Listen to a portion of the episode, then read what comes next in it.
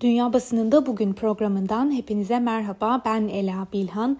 Bugün 20 Nisan Salı ve bugün de tam 15 dakikada dünya basınında öne çıkan haber ve yorumları sizlerle paylaşacağız. Bugün bültenimize bir değişiklik yapıyoruz ve bültenimize Alman basınının gündemdeki bir haberle başlayacağız. Hatta sadece Alman basını değil, dünya basını da bu konuyu çok çok yakından takip ediyor. Hristiyan Birlik Partilerinin ortak aday konusunda uzlaşma çabaları sürerken Alman Yeşiller Partisi'nin başbakan adayı partinin eş genel başkanı Annalena Baerbock oldu. Alman basınında aktarılan haberlere göre 41 yaşındaki Baerbock Avrupa politikası, yoksullukla mücadele ve iklimlerin korunması konularında uzman olarak biliniyor. Die Welt gazetesinin bu konudaki haberine göre Yeşillerin Başbakan adayı Annalena Baerbock dün akşam ProSieben kanalındaki bir programa katılarak adaylığından sonraki ilk röportajını da verdi. Açıklamalarından anlıyoruz ki davetkar bir göçmenlik politikası vaat ediyor ve Putin'i katil olarak görüp görmediğini de net bir biçimde açıkladı. Gazeteden Robin Alexander'ın yorumuna göre de bir süre sonra Laşet'in zaferinin ne kadar değerli olduğu fark edilecek. Aktarılan haberlerde şöyle deniliyor. Anketlerde yeşillere artan destek şu andaki birlik partileri ve SPD koalisyonunun son aylarda büyük eleştirilere uğrayan korona politikalarının ve Covid-19 aşısının hizmete sunmaktaki başarısızlığının bir sonucu olarak tanımlanıyor. Ancak daha önemlisi uzun vadeli olarak yeşillerin en önemli siyasi söylemi olan iklim krizi ve çevre konularında halkın %48'inin büyük kaygı duyması ve Yeşillerin bu konulardaki tutumuna sıcak bakması. Yapılan analizler Yeşillerin iyi eğitimli ve şehirli seçmenlerin desteğini aldığını kanıtlıyor diye yazmış Voice of America ve Voice of America'nın haberde aktardığı verilere göre Yeşiller öncülüğünde SPD ve FDP ile koalisyon veya Yeşiller, SPD ve Sol Parti'nin katılımıyla koalisyon oluşturulabileceği belirtiliyor. Böyle bir durumda Yeşiller Partisi'nden Berbok, Başbakan Merkel'den boşalacak koltuğa oturarak tarihe geçecek. BBC bugün bu konuyu ele almış. Şu haberinde şu sözlere yer veriliyor. Yeşiller Partisi tarihi bir gelişim göstererek Alman siyasetinin önemli bir aktörü haline geldi. Yeşillerin bir sonraki hükümetin kilit unsurlarından biri olacağı tahmin ediliyor. Ülkedeki muhafazakarlar ise aday belirlemekte zorlanıyor ve henüz bir uzlaşma sağlamış değiller. Yeşiller Partisi bu karmaşadan yararlanıp Almanya'nın gelecek başbakanının parti sıralarından seçilmesini sağlayabilir. Ve Yeşillerle ilgili ilginç bir detay da şu. Parti genelde anketlerde göründüğü kadar yüksek oy alamıyor. Seçmenler anketlerde yeşillere oy vereceğini söylemekten hoşlanıyor. Ancak seçim günü gelip çattığında geleneksel bağlılıklar ve ekonomiye ilişkin pragmatik kaygılar devreye giriyor. Bununla birlikte yeşillerin tüm cephelerden topa tutulması da muhtemel görünüyor. Eurotopics'in haberine göre Avrupa basını da Almanya'daki adaylık yarışını çok çok yakından takip ediyor.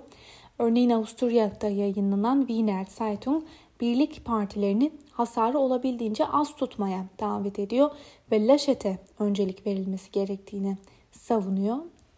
Aktarılan yazıda şu sözlere yer verilmiş. Bu akıl dışı düellodaki son akılcı kırıntılar Laşet'in başbakan adayı olarak seçime katılması olacaktır.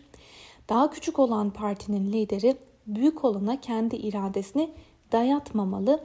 Birlik partilerine yani CDU'ya ve CSU'ya gelecekte başbakan adayları konusunda daha istikrarlı bir seçim mekanizması geliştirmeleri tavsiye edilebilir.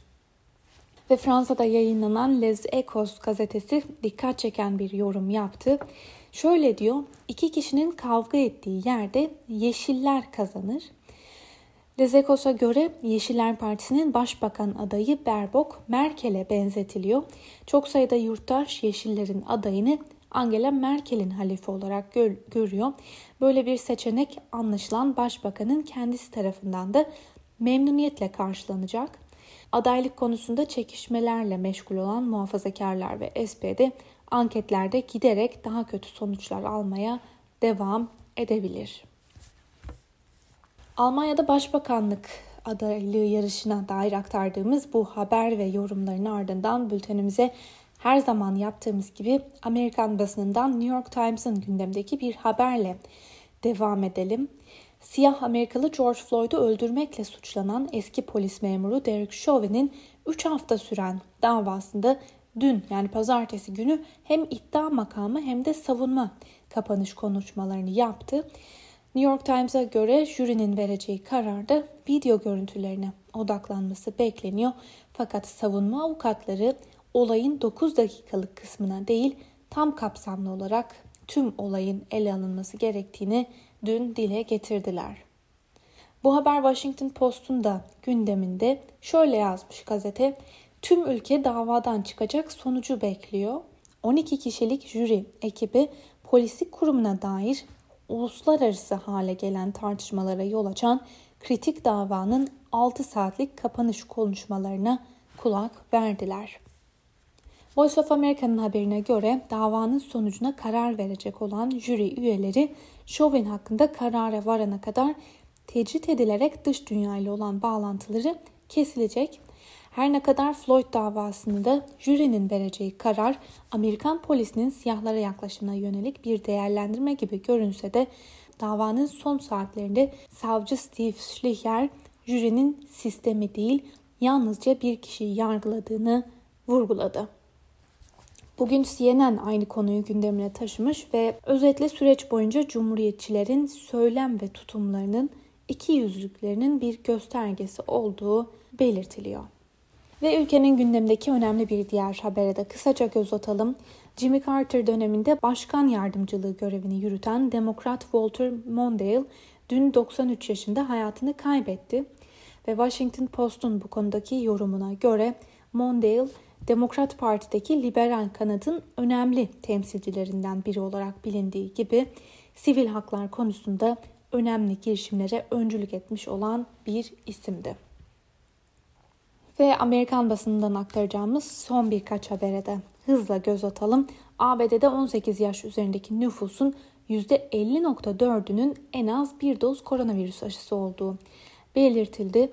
Beyaz Saray Koronavirüs Çalışma Grubu günde ortalama 3 milyondan fazla kişiye aşı yapıldığını açıkladı ve bugün itibariyle ABD'de 18 yaşın üstündeki aşı olmak isteyen herkese bu imkanın tanınacağı da açıklandı. New York Times'ın bir diğer haberi ise Arjantin ekonomisine dair gazete ülkenin ekonomik olarak pandeminin de etkisiyle sert bir darbe aldığını yazmış. Buna göre Arjantin ekonomisi son bir yılda %10 oranında küçüldü. IMF'ye olan borcu da 45 milyar doların üzerine çıktı. Ülkenin elinde hiçbir şey kalmadı diyor New York Times. Washington Post ise benzer bir şekilde Hindistan'daki durumu ele almış. Son dönemde vaka ve ölüm sayılarıyla yeni rekorlar kıran ve salgının bir türlü kontrol altına alınamadığı Hindistan'daki kontrolsüzlük tüm dünyada pandeminin de kontrol altına alınmasını zorlaştırıyor. Bültenimize İngiliz basınıyla devam edelim. Özellikle pazar gününden bu yana başta İngiltere olmak üzere tüm dünyada tartışmaları da beraberinde getiren Avrupa Süper Ligi kararı bugün yine önemli gündem maddeleri arasında. The Daily Telegraph gazetesinin manşetinde Prince William'ın gençlerin endişelerine katılıyorum sözleri yer alıyor. Buna göre özellikle genç kesimler yeni kurulan Avrupa Ligi ile beraber gelişmekte olan küçük ve yerel takımların dışlanacağını savunuyorlar.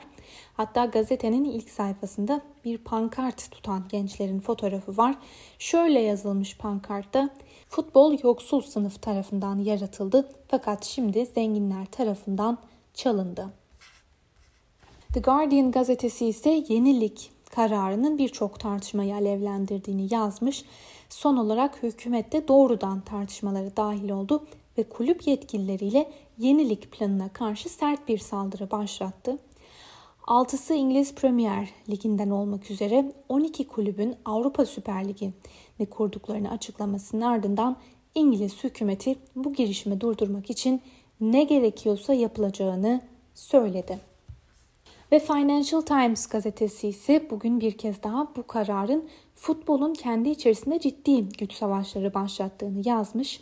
Öte yandan işin maddi boyutunu da ele alan Financial Times dün de belirttiğimiz gibi bu girişimin tam 4 milyar euroluk bir kar oranı sağlayacağını yazmıştı. Bugün ise lige dahil olan 12 futbol takımının her birine 200 ila 300 milyon euro hoş geldin bonusu verilmesinin öngörüldüğü belirtiliyor. Rus basınına kısaca göz atalım. Moscow Times'ın aktardığı bir habere göre Alexei Navalny'nin avukatı ve cezaevi hizmetlerinden dün yapılan açıklamaya göre yaklaşık 20 gündür açlık grevinde bulunan Rus ana muhalefet lideri bir hastane cezaevine transfer edildi. Moscow Times'a göre süreç ciddi bir çıkmaza girmiş durumda. Öte yandan Rus hükümeti üzerindeki uluslararası baskılar da devam ediyor. Navalny destekçileri bu haftanın ilerleyen günlerinde yani yarından itibaren ülke çapında geniş kapsamlı protesto eylemleri düzenlemeyi planlıyor. Rus hükümeti ise bu gösterileri şimdiden yasa dışı olarak nitelendirmiş durumda. Moscow Times'ın bir diğer haberine de göz atalım. Ukrayna ile son dönemde savaşın eşiğine gelen Rusya ile ilgili şu yorum yapılıyor. Rusya'nın asker konuşlandırdığı Donbas bölgesinin sakinleri yeni bir savaş istemiyorlar. 2014 yılında bölgedeki Gukavo kasabası kendisini bir anda Ukrayna'nın doğusundaki savaşın içinde bulmuştu. Fakat bu kez farklı bir çözüm yolu bulunmasını talep ediyorlar. Ve bu araya El Cezire'nin dikkat çeken bir yorumunu sıkıştıralım. El Cezire'den Dimitar Beçev bugünkü yazısını Ukrayna krizine ayırmış. Fakat yazıda özellikle sürecin başında Erdoğan'ın Zelenski ile görüştüğü ve işbirliği mesajı verdiği hatırlatılıyor. Yazıya göre Ukrayna-Türkiye işbirliğinin çok net sınırları var. Türkiye aylar önce Azerbaycan'a verdiği desteği bu kez Ukrayna'ya veremeyecektir. Türkiye'nin Ukrayna ile karşılıklı ilişkisi bize Rusya'ya karşı stratejisi hakkında önemli bir şey söylüyor, diyor Dimitar Beçev. Tüm söylemlerine rağmen Ankara Moskova ile rekabetin kontrolden çıkmaması için ciddi bir çaba sarf ediyor. Karşılıklı ihtimaller göz önünde bulundurulduğunda Türkiye'nin en iyi seçeneği yumuşak dengeleme politikasıdır. Sovyet sonrası alanda Rusya ile eş zamanlı olarak işbirliği yapmak, NATO'nun caydırıcılık kalkanının arkasına saklanmak ve Azerbaycan, Gürcistan ve Ukrayna ile güvenlik bağları kurmak, 2014'te olduğu gibi Ankara'da çatışmalardan kaçınmaya çalışacaktır. El Cezire'den Dimitar Beçev'in bugünkü yazısına göz attık. Rusya'ya dair bir haberle devam edeceğiz. Dünyanın gündemine gelen Çek Cumhuriyeti ile Rusya arasındaki gerilime değinelim. Dün de belirttiğimiz gibi Rusya ile Çek Cumhuriyeti arasında süren diplomat geriliminde Moskova Çekya'nın 20 diplomatını sınır dışı etme kararı almıştı. Çek basınında ise gerilime dair dikkat çeken bir yorum yapıldı. Rusya bizi düşman olarak görüyor diye yazan Denik gazetesi Çekya'nın Moskova'daki rejimi bakış açısını yeniden değerlendirmesi gerektiğini yazmış. Prag Rusların çok saf olduğunu düşünüyor. Rusya'nın Ukrayna'da toprak işgal etmesi, demokrasi ve özgürlükleri askıya alması, Batı ülkelerinde seçimler ve yaşam üzerinde etkin olmaya çalışması bizi ilgilendirmez diye düşünüyoruz. Oysa Rus rejimi Çekya'da da acımasızca davranmaya hazır. Tıpkı 2014'teki iki kişinin öldüğü saldırıda yaptığı gibi Rusya'nın hedefindeyiz ve düşmanıyız. Yeni gerçeklik bu. Slovak basınından Uysoy'a göre de Moskova'nın hibrit savaşını herkes idrak edemedi. Rusya'nın savaştığı bir başka cephe ise aşı satışı ve Slovakya siyaseti ise canla başla bunu destekliyor. Putin muhallifi Alexei Navalny hapishanede ölümle savaşıyor. On binlerce Rus askeri Ukrayna sınırında. Bu koşullar altında dönemin Slovakya Başbakanı Igor Matoviç hükümetinin haberi olmadan aşı sevkiyatı pazarlığı yapmak için Moskova'ya gitmesi de endişe vericiydi. El Cezire bugün bir kez daha Hindistan'daki kritik durumu ele almış. El Cezire ülkede Covid-19 nedeniyle hayatını kaybeden kişi sayısının resmi verilerden çok daha fazla olduğunu dikkat çekiyor. Yerel makam ve yetkililerin açıkladığı ölüm oranları resmi verilerin çok çok üstünde. Ve bir diğer haberde ise uluslararası bir insan hakları raporunun ortaya koyduğu sonuçlar ele alınmış. Rapora göre Çin'in Uygur Türklerine yönelik politikaları ciddi birer insanlık suçu. Ve son haberimiz Lübnan'a dair. Lübnan Başbakanı Hasan Diab ülkesinin karanlık bir tünel, tünelden geçtiğini, bunun yalnızca elektrik kesintisiyle sınırlı olmadığını ancak Lübnanlıların günlük geçim, sosyal şartlar olmak üzere ciddi sıkıntılar çektiğini söyledi. Diab, Lübnan tam bir çöküşün eşiğinde diyerek engellemelerin hala yeni hükümetin kuruluşuna engel olduğuna da dikkat çekti. Independent'ın haberine göre yerel para birimi Lübnan lirası ise Merkez Bankası kuru sabit tutsa da bankalarda ve kara borsada değer kaybıyla farklı fiyatlardan işlem görüyor.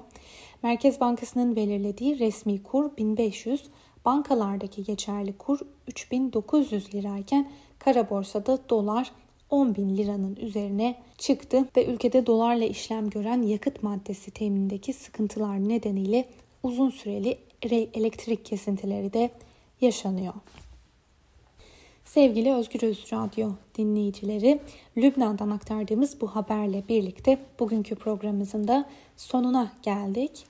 Yarın aynı saatte tekrar görüşmek dileğiyle şimdilik hoşçakalın.